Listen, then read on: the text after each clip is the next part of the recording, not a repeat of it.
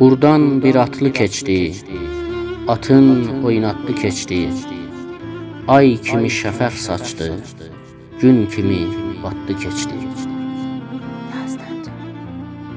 Çox təəssüflə Mordad ayının 28-i ədəbiyyatımızın ildırımı, ömrünü ictimai ədalət və azadlıq eşqi ilə başa vuran dilimizin, ədəbiyyatımızın və mədəniyyətimizin inkişafında yorulmazcasına bir ömür çalışan, Azərbaycanın tanınmış ictimai və ədəbi şəxsiyyəti, görkəmli şair və jurnalisti doktor Həsən Riyazi Yıldırım koronavirusa yoluxma səbəbindən həyatla əbədilik vədalaşdı.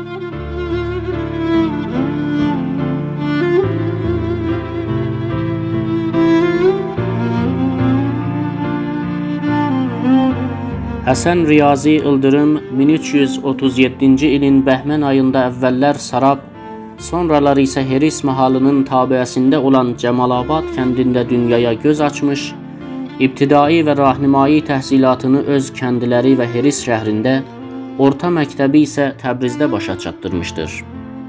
İstedadi və elmi səviyyəsinə güvənərək tibb ixtisasında Ulum-i Pezeşkiyə İran danışgahından qəbul olmuş və təhsilini davam etdirmişdir və uzun illər Tehranın Doktor Şəriəti xəstəxanasında insanların sağlamlığı üçün əlindən gələni əsirgəməmişdir. Həsən İldırımın Azərbaycan ədəbiyyatı ilə tanışlığı öz ailəsindən başlamışdır. Atasının Azərbaycan milli nehzəti dövrü ruhuna və şəxsiyyətinə hopmuş Azərbaycançılıq yeniyetmə övladını evində saxladığı türkü kitablarla tanış edir. Yeniyetmə Həsən qış gecələri evlərinə yığışan qohum-qonşuya Azərbaycanın klassik nağıllarından olan Koroğlu və Əsli Kərəm kimi çap olmuş kitabları oxuyur və özü də bu nağılların təsiri altında 1354-cü ildən Azərbaycan ədəbiyyatı ilə ciddi surətdə maraqlanır. İran inqilabının qələbəsi Həsən İldırımın Azərbaycan ədəbiyyatı ilə tanışlığına alverişli şərait yaradır. Gənc olmağına rağmen inqilabdan sonra geniş oxucu rəğbəti qazanan Yoldaş məcəlləsinin faal əməkdaşlarından olur.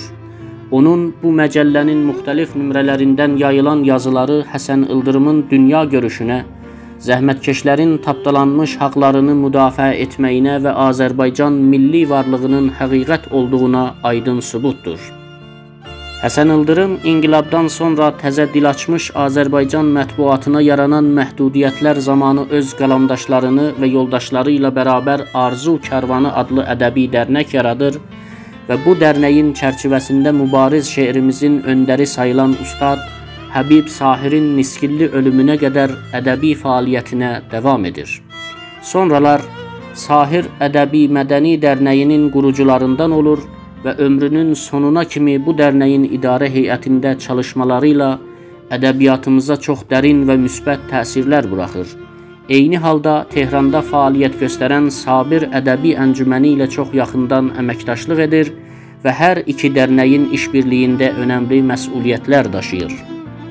Həsən İldırımın 70-ci illərə dair fəaliyyəti Azərbaycanın ədəbi və mədəni şəxsiyyətləri naminə bir çox təntənəli tədbirlər və ağırlamaların qurulmasında və Azərbaycan şairləri əsərlərinin çapa hazırlanmasında qabarıq şəkildə özünü göstərir. O bir təəhhüdlü şair, ədəbiyyatşünas və jurnalist olaraq Azərbaycanın digər şair və yazıçılarının əsərlərini yaymağı öz əsərlərinin yayılmasından daha üstün tutur və bu yolda fədakarcasına dəyərli işlər görür. Həsən İldırım şeirdə Ustad Həbib Sahir məktəbinin yetişməsi olsa da, jurnalist fəaliyyətlərində Ustad Behzad Behzadi məktəbinin istedadlı və bacarıqlı yetişməsi olmuşdur. O 1382-ci ildən ardıcıl nəşr edilən Azəri dərgisinin baş yazarı vəzifəsində elimizin, dilimizin və mədəniyyətimizin keşiyində durmuş və öz yazıları ilə böyük bir ədəbi irsin yaranmasına səbəb olmuşdur. Həsən İldırım öz jurnalist fəaliyyətləri ilə bərabər yaranan hər bir Azərbaycan dərnək, dərgi və ədəbi məhfillərinin çox məsuliyyətli yardımcısı olmuşdur. 1390-cı ilin 12 şəhrivərindən İşıq gəncləri tərəfindən fəaliyyətə başlayan İşıq Azərbaycan ədəbiyyat və incəsənət saytının ilk məşvərətçilərindən olmuş və bu ədəbi saytın 10 illik fəaliyyətində çox dəyərli rəylər, məşvərətlər və təkliflər irəli sürmüşdür. Həsən İldırımın Ustad Behzad Behzadi ilə bərabər nəşrə hazırladığı 3 cildlik ana dili dərslik kitabları və dünya şöhrətli türk şairi Nazim Hikmətin həyat və yaradıcılığına dair tədqiq samballı əsəri onun ədəbi fəaliyyətlərinin çox dəyərli bəhrəsindəndir. Təəssüflə o həyatında başqa əsərlərinin çap olmasına şahid olmadı. Ömrünün son aylarında yaxın dostlarının təklifini qəbul edərək bütün əsərlərinin çapa hazırlanmasına icazə verdi. 5 cildlik şeir məcmuəsi, ədəbi publistik məqalələr toplusu, dünya ədəbiyyatından tərcümələr əsəri çox az bir müddətdə redaktə olub nəşrə hazırlandı. Bu kitablardan Yağış yuxusu və Gözlərimdə nasıldım ünvanlı iki şeir məcmuəsi yaxın gələcəkdə Təbrizin Muğam nəşriyyatı tərəfindən oxuculara təqdim ediləcəkdir. Çox təəssüflə sevimli şairimiz Azərbaycanımızın fədakar oğlu bu əsərlərinin yayılmasının heç birinə şahid olmayacaq. Niyə ki, onun şair ürəyinin son çırpıntıları uzun illər başqa xəstələrə xidmət göstərdiyi Tehranın şəriəti xəstəxanasında Mordad ayının 28-də bir yolluq susmuşdur.